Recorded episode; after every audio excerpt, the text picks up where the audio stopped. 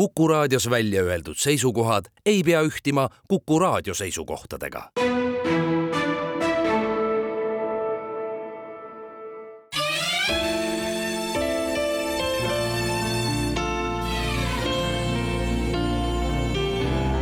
nädala raamat.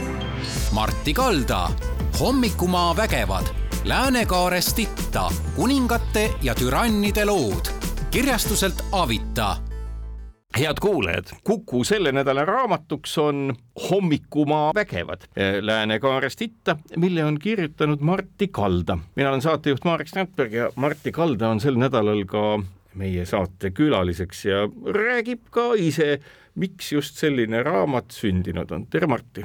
Tere! see raamat on äh, selles mõttes põnev, et äh, kõik, mis meist jääb äh, nii lõunasse kui itta, siin on ühtekokku selles raamatus siis ülevaade neljateistkümne riigi kuningatest ja türannidest, kes on siis noh, ütleme mõnes mõttes ju täitsa nii-öelda Euroopa pikkuskraadi mõttes täiesti läänes, eks ole, Maroko ja kogu see Põhja-Aafrika seltskond, kuni siis ikkagi Jaapanini välja. Ja need kõik riigid on olnud noh, Eestiski ju ühel või teisel moel teada ja räägitud, aga mitte nii detailselt detailselt, nagu sa selles raamatus nüüd ette võtad, miks just need neliteist riiki, on sul põhjus selle kohta olemas? Etioopia, Maroko, Liibüa, Jordaania, Süüria, Iraan, Omaan, Afganistan, Pakistan, Nepal, Bhutan, Kambodža, Põhja-Korea ja Jaapan. miks need neliteist ilmselt tundusid need sellel hetkel, kui, kui ma seda planeerima hakkasin nagu kõige põnevamad, et äh,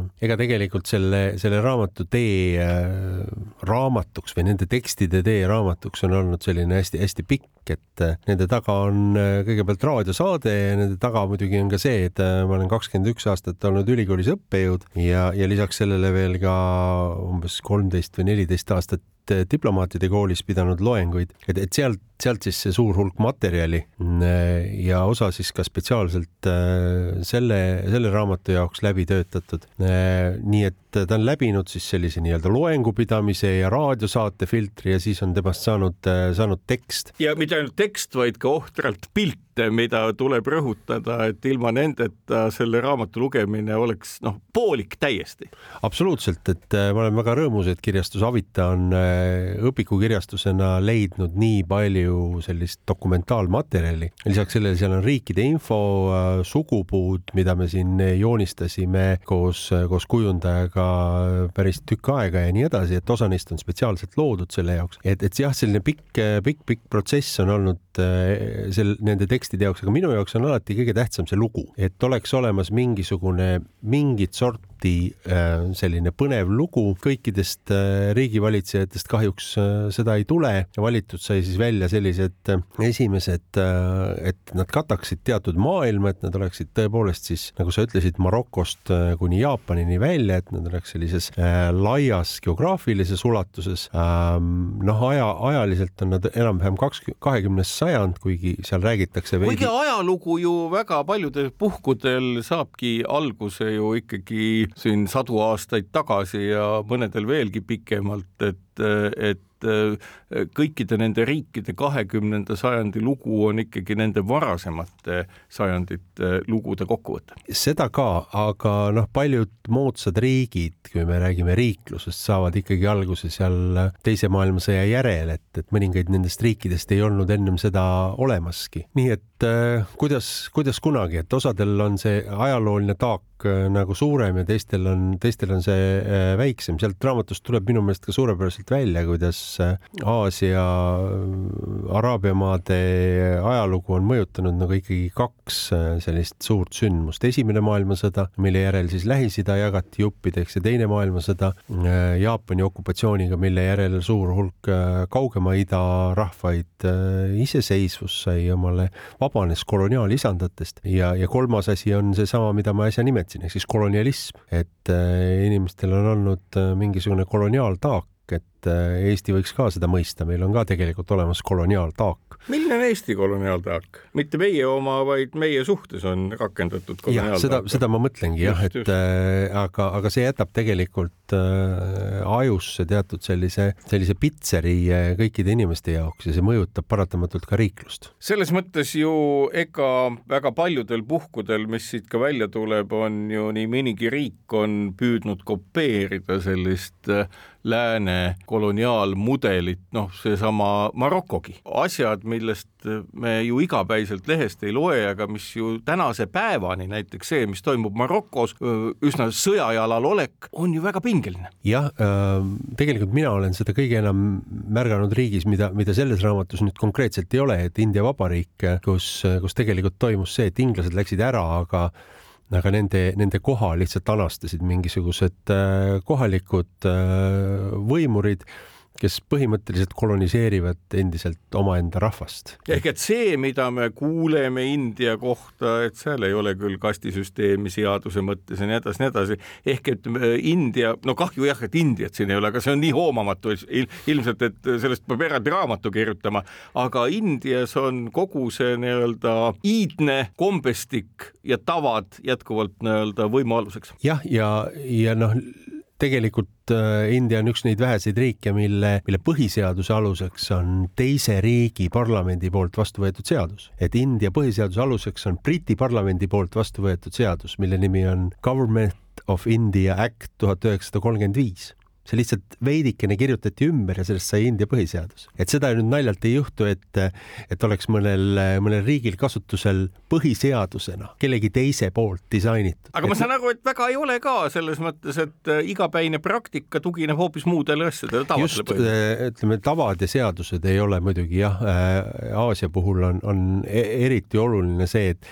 et seadused võivad olla ühed, aga see, kuidas praktikas neid rakendatakse, on hoopis teised äh, ja, ja täpselt samamoodi samamoodi ka nende arusaam ähm, no ütleme siis demokraatiast või sellest, kuidas mingeid lääne väärtusi üle võtta, me arvame, et see on kõik üks-ühele ülevõetav, tegelikult ei ole üks-ühele ülevõetav, et kõigil on äh, mingisugune oma, oma nägemus, äh, isegi sellistel demokraatlikel riikidel nagu näiteks äh, Lõuna-Korea või, või Jaapan, ähm, on, on paljusid asju, mida meil peetakse iseenesestmõistetavaks ja neil vastupidi, see, see ei kehti, et neil on mingisugused enda mõttes olevad piirangud seal ees. no seda on tunda kõikidest nendest mainitud neljateistkümne riigi kirjeldustest ka, kus jutud on väga sageli sellest, mismoodi võim välja näeb ja tundub nagu noh, kuidas ma ütlen, et selline ühiskonna kultuur või haridus, mis puudutab täpselt, mida sa mainid, võimu ja võimusuhteid, ongi jäänud kuhugi väga-väga minevikku. jah, äh, noh, vähemalt kakskümmend aastat maas on nad äh,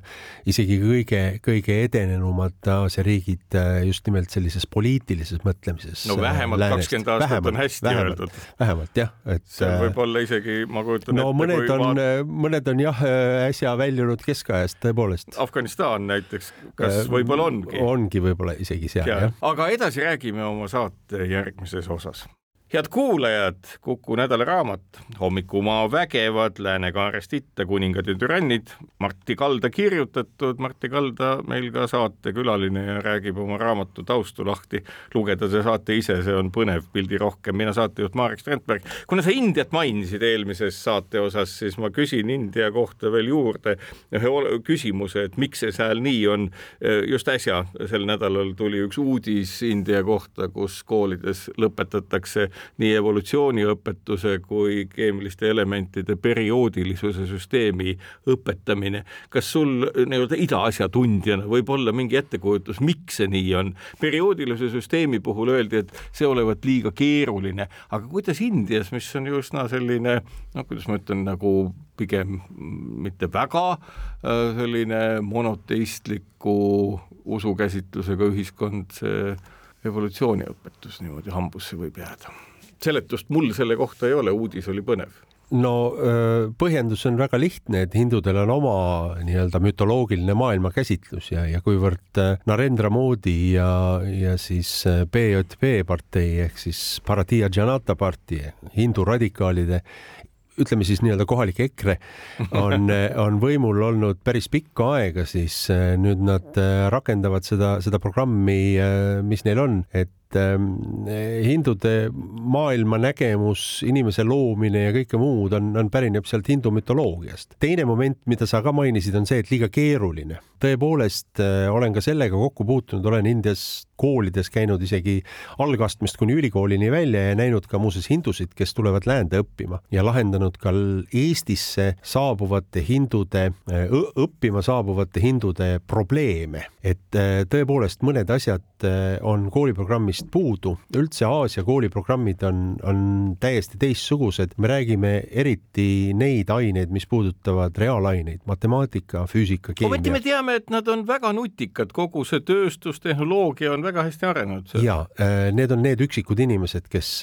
kes on sellest massist läbi murdnud ja need on tõepoolest väga nutikad, aga ütleme niimoodi, et kooliprogramm tegelikult ei toeta seda. E, paljusid e, asju, mida näiteks meile õpetatakse keskkooli tasandil, matemaatikas, füüsikas, keemias, e, Indias ei, ei õpetata, vaid need hakatakse õpetama alles ülikooli tasandil. olles käinud ka näiteks Mumbai ülikoolis füüsikaloengutes, see füüsikaõpik mis seal käibel oli muide ka kakskeelne, siis marathi ja ingliskeelne, siis ühel lehel üks tekst ja teisel lehel teine tekst, õpetasid tegelikult selliseid asju, mida meil õpetatakse keskkoolis ja, ja, ja sellele ehitatakse ülikooliharidus. Neil see bakalaureuseõpe tegelikult vastab kohati meie keskkooli äh, tasandile, samamoodi matemaatikas, keemias, ajaloos õpetatakse paljusid asju, aga see on hästi India keskne. üldse Aasia riikide ühiskonna ja ajalooõpe on hästi enesekeskne ja väli, väljaspool olevast maailmast, ka väljaspool oleva maailma näiteks geograafiast on nende teadmised nagu üsna, üsna napid. millised nende maakaardid välja näevad, et kas nii nagu Ameerika Ühendriikides, kus Euroopa on jagatud kaardiservas nagu ära lõigatud ja on siis kaardi vasakult poolt jätkuv ja Ameerika Ühendriigid on kesksed, kas ne-, kas nende, nende maakaartidel on ka kuidagi nende oma riik keskele tõstetud? enamuses riikides mitte, aga Hiinas on küll tõepoolest sellised kaardid, kus Hiina on siis nii-öelda keskel. et et äh, meile harjunud Ameerika manner ei ole siis mitte meie mõistes vasakul, vaid paremal. ja niimoodi kitsaks veninud ilmselt. noh, jah, kitsaks veninud sellepärast, et see projektsioon on, on, on veidikene teistsugune. aga, aga üldiselt äh, jah, ei, aga, aga geograafia teadmistega on üldiselt äh, halvasti. üldiselt ongi niimoodi, et mida väiksem rahvas, seda rohkem äh, ta teab äh, välismaailmast ja seda rohkem on ta maailmaga kursis. mida suurem rahvas nii-öelda arvuliselt ja mida suurem riik ja mida suurema kultuuriga, seda enesekesksem ta Aasias on. kui ma lugesin selle raamatu läbi, siis üks asi, mis nagu jäigi vaikselt kummitama peas, ma ei tea, kas sa sellele kinnitust leiad või mitte, ongi asjaolu, et nendes samades riikides, kus me nagu selle raamatu järgi näeme üsna arhailisi põhilisi valitsemisvõtteid ja valitsemistavasid ja ühiskonnakordagi mõnes mõttes võib nii öelda, ei ole ju sellesama nii-öelda maailmaharidusega väga palju pistmist, noh eriti klassikaline näide on ju tänasel päeval Afganistan, eks. jah, e-, ei ole ähm sa mõtled seda, et, et neil ei ole seda vaja, et äh, võib-olla tõesti. Ähm, samas noh, teadmine maailmast annab, annab äh, tublisti juurde ikkagi, et äh, meie võib-olla jälle ei tea midagi noh, nii-öelda Aasia riikide mm, geograafiast või, või ajaloost, et see ongi üks, üks selle raamatu kirjutamise üks, üks aje üldse teha neid saateid ja kirjutada seda raamatut on see, et, et tegelikult ega ka Eestis nüüd siis Aasia tundmine just ju väga hea ei ole. no minu jaoks oli see raamat nagu selles mõttes selline ikkagi silmi avav, et loomulikult mingid hägusad teadmised on olemas, noh, igaüks oskab kasutada mis iganes keelset ju Vikipeediatki tänasel päeval, kui mingi küsimus kerkib, sealhulgas ka väga kummalisi keeli, kuna tõlke kvaliteet on läinud väga hääks, aga see raamat just nimelt andis mõistmise, et kui kusagile minna ja midagi tavatut näha, noh, mida on ikka juhtunud, siis et sellest aru saada, mitte öelda, et oh, et kuidas teil on siin kõik nagu teistmoodi,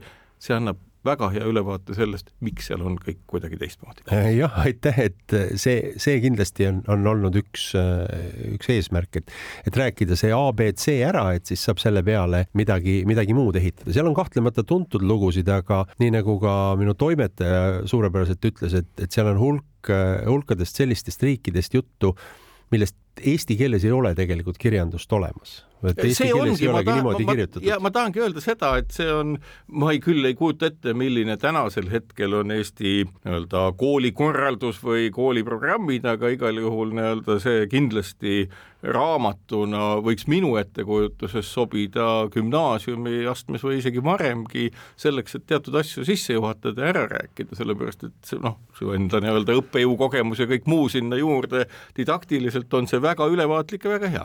nojah, ma soovitaks kõigepealt ajalooõpetajatel äh, see läbi lugeda ja, ja, siis, ja, ja siis ja siis lastele õpetama hakata, aga, aga kahtlemata ei, see on mõeldud äh, lugemiseks ka gümnaasiumiõpilastele, mõeldud ka noh, näiteks äh, tudengitele, kes õpivad politoloogiat ülikoolis või, või rahvusvahelisi suhteid või maailma ajalugu või, või mitte midagi muud, et et seal on, seal on see baas on olemas. mis mind võlub või ma arvan, et paljusid, kes loevad, ongi see, et see raamat ei ole kirjutatud nii nagu mõnigi ajalooõpik, võib-olla isegi Eestis on kirjutatud sellise ideoloogilise hoiakuga, et see on täiesti neutraalne raamat ta kirjeldab seda, mis toimus, selles mõttes nii-öelda väga hea ajalugu, väga hea kroonika, et eh, ma ei leidnud kusagilt sul mingit poolehoidu ühele või teisele asjale, see on nagu väga hästi õnnestunud. aitäh, aga tegelikult eks seal iga peatüki lõpus väikene selline, moraali, selline, selline moraalilõik on, et,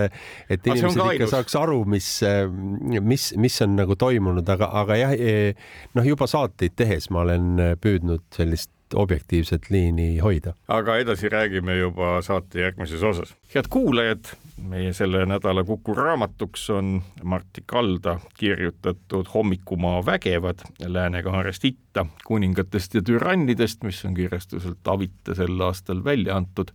mina saatejuht Marek Strandberg ka Martti Kaldaga, kes meil külas sellest raamatust ka räägime ja äh, jätkengi sellega, et noh, siin on ju mitmeid, eks ole, võtame kasvõi kõige viimase loo, mis on Jaapanist, siis äh, nojah, me ju üldjoontes teame, et Jaapan tõepoolest siin teise maailma, esimese maailmasõja lõpul, teise alguses ja nii edasi, nii edasi, püüdis ka sellist impeeriumit üles ehitada, ehitaski üsna ulatusliku Aasias siis koloniaalimpeeriumi üles, aga see detailide rohkus, kuidas sa kirjeldad selle teket, et äh, see on minu meelest eesti keeles üsna, äh, üsna uudne ja varem kirjalikul moel mitte sel moel välja räägitud no Jaapani kohta tuleb öelda, et tegelikult eesti keeles isegi äh, veel on üsna palju kirjandust, jah, võib-olla mitte selle, selle perioodi kohta ja, ja võib-olla mitte tõepoolest sellistes detailides, aga aga Jaapaniga on, ma arvan, tegelikult äh, olles ka töötanud läbi kogu eesti keeles oleva Aasia kirjanduse, Aasia kohta rääkiva kirjanduse, siis Jaapaniga on meil üsna hästi tegelikult veel.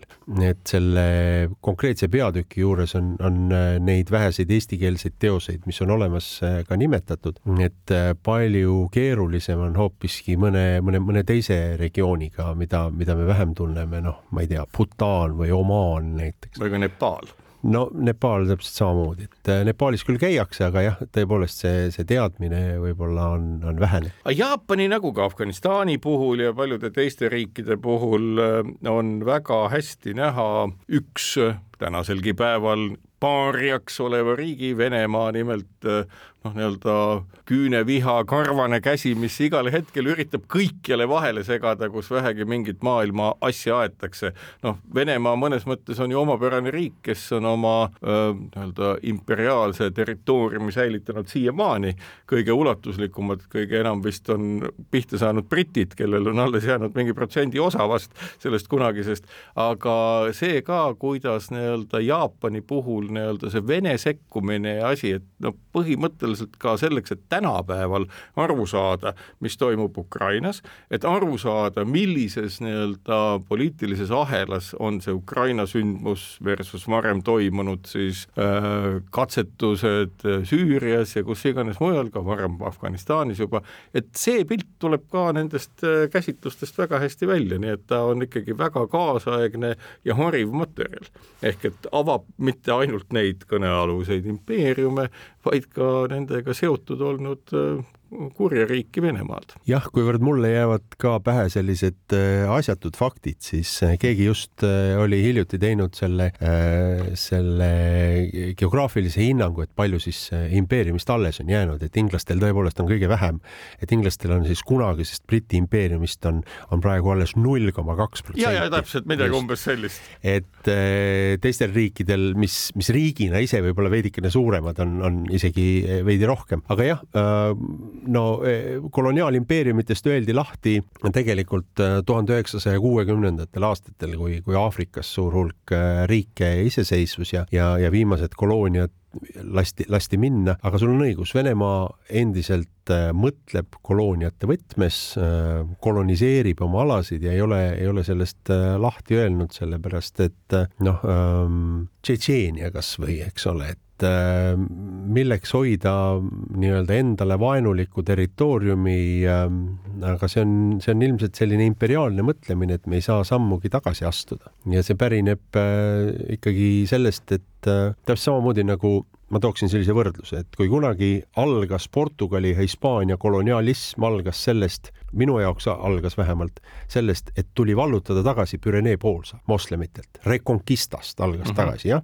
tegelikult, mis algas Prantsusmaalt. Karl Suure vanaisa Karl Martell seitsesada kolmkümmend kaks lõi tagasi Toursi linna all moslemite rünnaku sealt algas Reconquista ja lõppes samal aastal, kui Columbus avastas Ameerika, ehk siis kestis väga pikka aega, tuhat nelisada üheksakümmend kaks kui Granadast aeti viimane moslemi vürst välja ja kolonialism ülejäänud maailmas Portugali, Hispaania poolt jätkus sealt. me vallutame maailma, aga me vallutame selleks, et ka moslemitele nagu koht kätte näidata siis Venemaal toimus tegelikult mõnes mõttes sama, sama protsess, ainult et nad ei ole sellest Reconquistast nagu lahti öelnud. no kunagi, see ongi. kunagi see... oli sa... mongoli tatari ikke, siis äh, näidati mongolitele koht kätte, Moskva suurvürstiriik hakkas laienema sinna Siberi poole. raamatus Venemaa ajalugu kirjeldab Orlando Figes väga detailselt seda, kuidas mongoli ikke järgselt äh, võtsid venelased kasutusse kõik need töövõtted, mida mongolid olid nende peal rakendanud, ehk et äh, Vene maailma iseloom ei erinenud millegi poolest mongolite aegse valitsemise iseloomust karvavõrdki. täpselt samamoodi ja muide äh, siia, siia tahaksin lisada, et, et Hiina see oli ka ju mongoli võimu all. Ähm, järgnev Ming dünastia, Qing dünastia tegelikult jätkasid täpselt samamoodi mongoli võtetega ja, ja sellise imperiaalse mõtlemisega ja võib-olla see ei ole ka, ka Hiinast äh, päriselt veel ära kadunud kuigi noh, Hiina puhul on ju niimoodi, noh, ma saan aru, et Hiinat kui ka ju iseenesest kogu selle äh, Äh, no nii-öelda ka ju tänane kommunistlik Hiina ei ole mitte midagi muud kui omaaegse Hiina ju üsna nii-öelda mantlipärija kõigi võtetega. Ja omal ajal loomulikult Hiina ju kaitses ennast mongolite vastu selle suurepärase müüriga ja nüüd on nagu kõik nagu kõik nii-öelda see, mis äh, võimu ja väge võimaldab hoida, võetakse ju oma vaenlastelt üle. jah, müür küll ehitati juba enne, enne mongoleid, aga, aga jah, suhtumine nii-öelda seal Kesk-Aasias äh, või, või Siberis asuvatesse barbaritesse on hiinlastel olnud kogu aeg äh, enam-vähem ühesugune, et nad leiutasid selle, selle poliitika juba umbes kolm sajandit enne Kristust et kõigepealt tuleb barbarid siis Hiina selliste heaelutoodetega noh, nii-öelda siidi ja portselani ja kõige muuga ära osta, ehk siis tuleb nad hiinastada muuta nad sellisteks nii-öelda väikesteks hiinlasteks ja järgmine samm on siis see anastamine. kui me vaatame nagu tegelikult kommunistliku Hiina ettevõtmisi, eriti äh, Xi Jinpingi vöö ja tee äh, sellist arengut, siis täpselt samamoodi toimib ta ju, ju tänapäeval. eks ole, kõigepealt äh, anname Hiina raha, et vaesemad riigid saaksid Aafrikas või Kesk-Aasias või Kagu-Aasias ehitada infrastruktuuriprojekte siis toimub hiinastamine, toimub äh, suure Hiina kogukonna sisseränne, sellepärast et keegi peab neid infrastruktuuriprojekte töös hoidma ja siis selle läbi toimub ka selline noh, nii-öelda pehme jõuga anastamine ehk siis nende riikide muutmine sisuliselt Hiina käepikenduseks või, või noh, anastamine. Aga kui Jaapani juurde tagasi tulla, siis Jaapan ju on sealkandis äh, suutnud rööbiti alles hoida, vaatamata kõikidele nii-öelda moderniseerimistele, siiski väga iidsetel juurtel põhineva äh, monarhia ja sellele liita sellise ameerikaliku tsivilisatsiooni, isegi vist Teise maailmasõja eelsest ajast juba. jah, äh, no Jaapani monarhia muidugi on, on selline hästi kurb äh, näide, mis, mis monarhiaga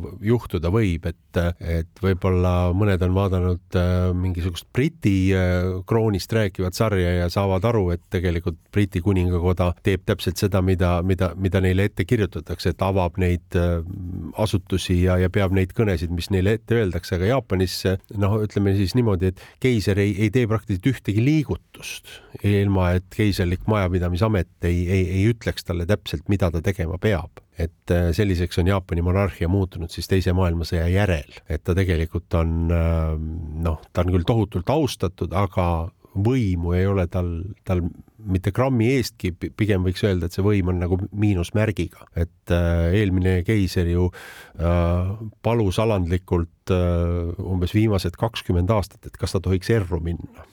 kuni, kuni siis lõpuks äh, parlament võttis vastu ka vastava seaduse, et lubati tal siis ka nii-öelda vana, vanuigi äh, erru minna. aga edasi räägime oma saate järgmises osas head kuulajad, Kuku selle nädala raamat Hommikumaa vägevad Lääne-Kaarest itta, kuningatest ja türannidest Martti Kalda kirjutatud ja Avita poolt kaks tuhat kakskümmend kolm ka välja antud sel aastal. Martti Kalda stuudios külas, mina saatejuht Marek Strandberg ja sest raamatust ja selle taustadest räägime.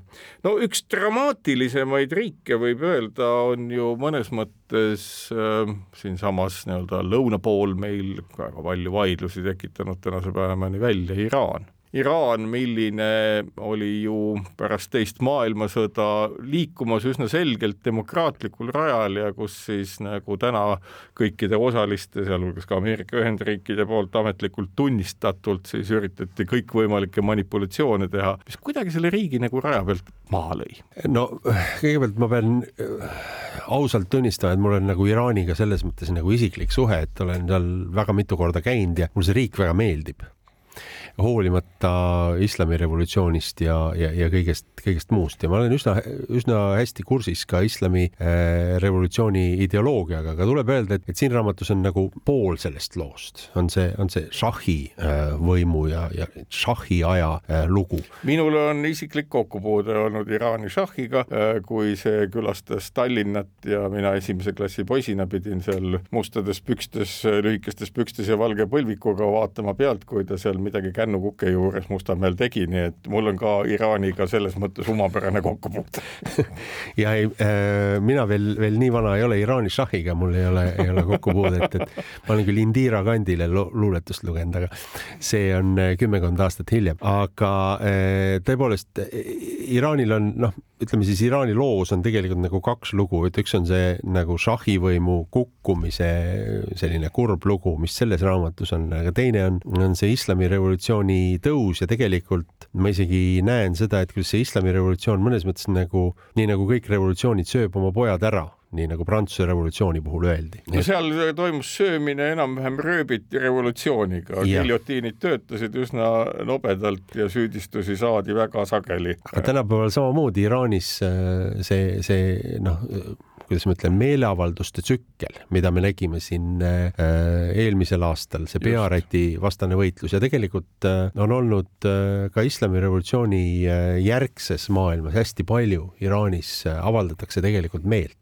Sellepärast et Iraan on ehitatud üles äh, selliste rahvamasside meeleavaldamise võimule, seda, seda Iraan ei saa takistada. Nad üritavad seda küll takistada, aga nüüd äh, väga keeruline aga on äh, tänapäevase Iraani vastu kuidagi inimestel astuda, olgu Iraani sees või Iraanist väljas, sest islamirevolutsioon on üles ehitatud hoopis teisele põhimõttele kui, kui demokraatia. nimelt? kui demokraatias on nii-öelda ülim võim on rahva käes, jah siis äh, islamirevolutsiooni teooria ütleb, et ülim võim on Jumalal ja tema tahe on kirja pandud Koraanis ja mm, usumehed tõlgendavad seda. rahvas, see, see, see tuleb kuskil seal kolmandal, nagu neljandal kohal. õigeusu põhimõtete laadne, kus ka inimesel ei ole võimalik ise pühakirja lugeda ja sellest aru saada, vaid seda peab tegema papp just, no eks seetõttu ka Iraan ja Venemaa nii lähedased on, et, et see mõtteviis on, on natukene sarnane äh, nendes, nendes kahes maailmas, et äh, tegelikult Iraani režiim seestpoolt ei ole üldsegi nii range kui ta meile võib-olla väljapoole toimub. Äh, see riik üldsegi ei ole seestpoolt äh, nõnda kuri, vastupidi, need on ühed kõige külalislahkemad inimesed, keda, keda ma Aasias olen kohanud. Üks kõige külalisrohkemaid äh, rahvaid. Aga.... aga ma oletan, et poliitilised teemad ei tule selle külalislahkuse raames kunagi jutuks. Või tulevad? tegelikult väikese tee ja küpsise juures tulevad, tulevad küll. Ja, ja inimesed üldse ei karda mm, öelda, et et no isegi, isegi islami vastaseid sõnumeid olen ma kuulnud, sest vaadake, iraanlastel on selline umbes viis tuhat aastat ajalugu ja islam on seal olnud alles, eks ole. mõned sajad aastad piltlikult noh, ütleme siis tuhatkond aastat, eks ole, jah. et eh, ma olen kuulnud lausa selliseid, selliseid väljendeid, et noh, et teate, tegelikult see šiitide, see liider, esimene, esimene šiit, Muhamedi väimees Ali, et tegelikult ta oli jõle kole mees ja, ja, ja tegelikult ta oli igavene noh öeldud välja sitapea, et äh, ja seda on, seda on iraanlased mulle öelnud, et aga vaadake, meie kultuur, eks ole, meil sealt iidsest ajast alates, kui meil olid šahhid ja et vot äh, see on see päris äh, Pärsia või päris Iraani kultuur et islam on see nii-öelda kõige, kõige viimane kihistus. Äh, ja see on neil kõik tänasel hetkel nagu sellises ajaloolises mälus olemas. Neil on see ajaloolises mälus olemas ja, ja, ja see on see, miks, äh, mis teeb iraanlased uhkeks ja ja, ja mille pärast nad võivad rahulikult noh, enamusele maailma rahvastest ülevalt poolt alla vaadata neil on olemas mingisugune iidne vana tsivilisatsioon ja keegi ei saa neile öelda, et noh, selline kakssada aastat vana demokraatia, et see on, on kuidagi nagu olulisem kui. Eh, nüüd, eh, mis on, mis on, eh, mil, mida siis nii-öelda ajatollad on suurepäraselt ära tabanud, on see, et soov selle nii-öelda monarhia järele see on täpselt samamoodi nagu Venemaal, et mida Putin on ära tabanud, et vene rahval on ihalus selle tsaari järele, täpselt samamoodi Iraanis on ihalus sellise ühe tugeva liidri järele kes on ju põhimõtteliselt ajatolla valitakse eluks aja. praegu on alles teine ajatolla äh, Khomeini järel äh, Khatami äh, võimul nii-öelda. Et äh, ta lihtsalt ajatolla asendas selle, selle šahhi, on ta siis usuliider või on ta siis äh, nii-öelda tegelik monarh vahet iseenesest ei ole. nüüd, äh, kui äh, vaadata veel nii-öelda kogu seda Iraani poolt, siis selle, mille tõttu nad on väga sarnased venelastega ja saavad asju ajada, see on nagu üsna ilmne kui, kui palju nad üldse tänasel hetkel on nagu selles olukorras, et nad võiksid läänele ühel või teisel moel meeldida või see on täiesti välistatud, välistatud hoiak. Nad ei taha sellest midagi kuulda. kas ehitatakse praegusel hetkel seal üles mingit täiesti oma maailma, millest me ka väga vähe teame? Jah, ehitatakse, aga noh, see on osaliselt tingitud sellest, et neil on, neil on väga tugevad sanktsioonid, et eh, ega neil ei ole ju ähm, väga palju kellegi muuga suhelda kui, kui noh, nii-öelda venelaste ja hiinlastega, sellepärast et äh, pangad ei tööta ähm, Euroopa pangakaarti ei saa kasutada Iraanis äh, kuni selleni välja, et Eestis näiteks ei saa legaalselt maksta Iraani saatkonnale viisa eest. sellepärast ja sellepärast, et see on Euroopa Liidu sanktsioonide all. see oleks, äh, ma olen korra selle vea teinud, äh, teinud ülekande Iraani saatkonnale Helsingis ja siis on teatatud mulle pangast, et ma olen üritanud terroristlikule organisatsioonile maksta ja see raha on konfiskeeritud sellega seoses isegi nii? jah, aga näiteks Helsingi saatkonnas äh, sellesama pangakaardiga maksta viisa eest pangaautomaadis koha peal saab küll, sellepärast et see füüsiliselt asub ju Helsingis mis, mis siis järelikult selle panga jaoks sobib, sellepärast et see käib ju läbi mingisuguse Soome panga, et eh, noh, nali naljaks, aga, aga, aga tõepoolest eh, sanktsioonid on, on väga rängad, et see on, see on tegelikult lükkab Iraani kogu aeg eemale läänest, aga ma isegi ütleksin, et Iraan seestpoolt on võib-olla läänelikum kui näiteks eh, seal kõrval asuv Omaan, mis asub üle, üle Pärsia lahe, mis on, see on turistidele avatud, mis on just nagu suur ja sõbralik riik, aga see on oluliselt asiaatlikum. oma kui... kogu toimingutes ja muus. just, ja oma, oma, oma tavades. isegi ma ütleksin, et Türgi on kohati palju asiaatlikum kui, kui Iraan noh, nii-öelda rohujuure tasandil või tänava tasandil. olid, olid osad lood, mis sellel hetkel köitsid, köitsid rohkem ja, ja eks ütleme niimoodi viisakalt, et saame näha, milline on selle raamatu edu, et loodetavasti on sellel ka võib-olla teine osa edasi räägimegi juba saate järgmises ja viimases osas head kuulajad, Kuku selle nädala raamat Hommikumaa vägevad Lääne-Kaarest itta kuningatest ja türannidest kirjutanud Martti Kalda ja Avitas välja antud sel aastal mina saatejuht Marek Strandberg, Martti Kaldaga räägime sellest raamatust. kui nüüd küsida selline noh, üsna tavapärane küsimus, et milline nendest maadest, mida sa kirjeldasid, sulle enim meeldis ja enim nii-öelda sellist üllatust pakkus noh, ma saan aru, et tegelikult oled sa nendest mõelnud ja kirjutanud väga pikka aega ja rääkinud, aga siiski. ei, ma ei saa niimoodi öelda, et üks nendest riikidest nüüd, nüüd kuidagi eriliselt äh, meeldib, et. või milles on, ütleme, küsime teistpidi, et milles on äh, need lugejale ka avada, milles on sinu kui autori jaoks kõige sellisem kummalisem, seikluslikum, üllatavam nii-öelda selle türannide elu selline uperpallide jada või asi, mis tõepoolest nagu väga tavatu on? no eks need türannid ole ikka päris tavatud kõik, et äh, nendel on kõikidel oma, oma väga suured veidrused, et üks, mida, mida sealt raamatust kindlasti näha ja välja lugeda saab, on see, kuidas, kuidas võim muudab inimesi.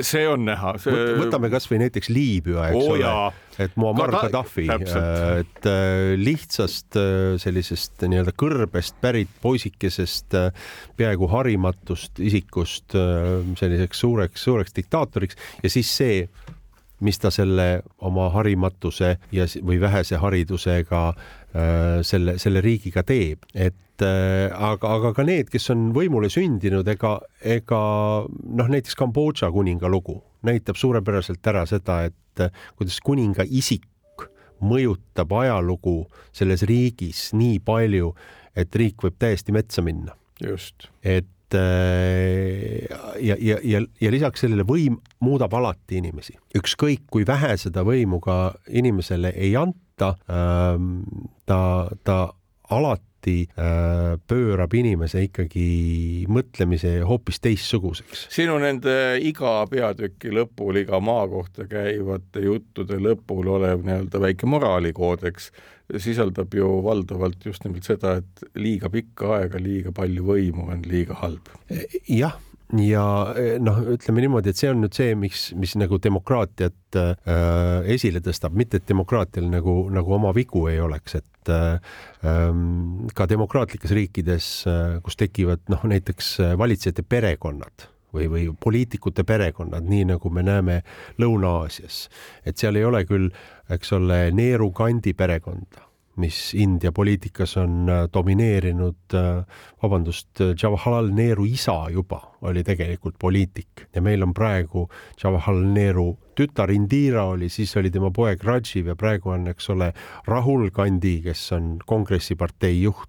Äh, meil on siin väga-väga mitu põlvkonda. no ega Eestiski ju vaikselt me liigume samas suunas, et, et et äh, ja see on asiaatlik. Äh, see on väga asiaatlik. see on või, või ma ütleksin isegi bütsantslik ja. ja see ei ole hea asi. no ja me võiks eeldada näiteks, et midagi samasugust võiks näha ju Ameerika Ühendriikides, kus püüdlusi selles suunas on kogu aeg olnud. vaatame Kennedyte perekonda või mida iganes, aga seal on kuidagi nagu jõujooned, mis mõjutavad kogu sellist poliitilist süsteemi ikkagi sellised, et need kipuvad selle ära lahustama ja me, aga me ei peaks vaatama tegelikult poliitikas äh, Ameerika poole, me peaks vaatama nagu Euroopa poole ja küsima näiteks ähm, ma ütlen nüüd läbi lillede, aga. võid ka mitte aga, öelda, aga ütle läbi lillede ma ütlen läbi lillede, et Euroopas on olemas Hitleri järglased, isegi Hitleri perekonnanime kandvad isikud on olemas, aga nad ei saaks iialgi äh, poliitikas, isegi, isegi praegusel ajal äh, võimule eks ole. aga ähm, millegipärast Eesti kaldub pigem nagu sinna, sinna teisele poole, et et äh, meil on, meil on see võimalik, täpselt noh, jälle teistsugune näide Filipiinidelt, meil oli diktaator Ferdinand Marcos, selle kukutamiseks oli uhke rahvarevolutsioon.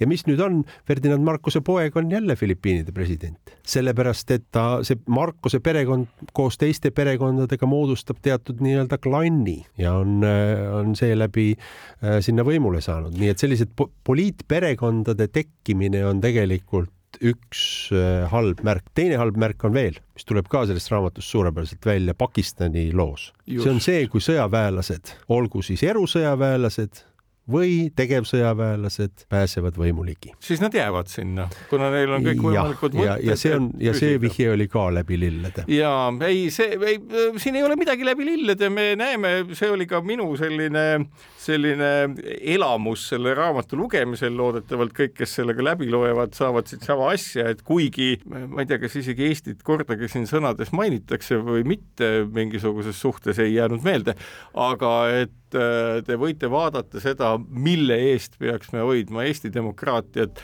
Ja kui ma vaatan nagu selles kontekstis Eesti demokraatia peale, siis tõepoolest näiteks meie lõunanaabrid lätlased on hoopis teistsuguse nii-öelda ilmapildiga. Või kui me vaatame Skandinaaviat, siis ka seal on üldjoontes kõik need asjad, mida me Eestis noh, näeme nüüd ütleme nagu kergelt pead tõstmas, praktiliselt olematud ja sinu sõnum on ka natukene nagu selles, et kui see juba pead tõstab, et siis seda nagu noh, alla suruda mingist hetkest alates on raske no kui see, kui see alla surutakse, siis see näitab ainult, et demokraatia on tugev. et et äh, aga ähm, noh, neid, neid niidistikke on oluline näha kahtlemata, neid, äh, neid, neid nii-öelda, see on, see võib-olla see on, ongi see kuulus süvariik, millest äh, on siin pikka aega räägitud. aga see ei ole mitte see, millest räägitakse, vaid hoopis muu. et seda süvariigi olemust me põhimõtteliselt kõigis nendes neljateistkümnes riigis ju näeme, et seal on olemas see süvariigi mehhanism ja põhimõtteliselt süvariigi olemusest ju kõik need lood räägivad. jah, inimlikud suhted, sõprussuhted ja kõik muu ja see, millisel määral mütoloogia kui olemise alus määrab nii-öelda nendes riikides kõike muud, mitte teadmised, oskused ja muu selline, et see ongi võib-olla see veelahe, mida me väga sageli ei märka ja alahindame isegi mütoloogilist maailmamõistmist, aga siin on näha, kuidas mütoloogiline maailmamõistmine võimaldab üles ehitada kõik võimu ja riigistruktuurid absoluutselt. aitäh, Martti Kalda, et said tulla kõnelema sel nädalal meile oma raamatust Hommikumaa vägevatest Lääne-Kaarest itta, kuningatest ja türannidest. sellega on meie saade ka läbi ja kuulake edaspidigi Kuku nädala raamatuid ja saate teada, mida huvitavat lugemiseks võtta. see piltide ja faktide rohke raamat kindlasti on suviseks lugemiseks igati paslik. kaunist päeva teile!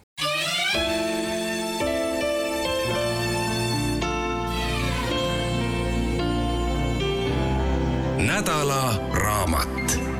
Martti Kalda, Hommikumaa vägevad, Lääne-Kaarest itta, kuningate ja türannide lood kirjastuselt Avita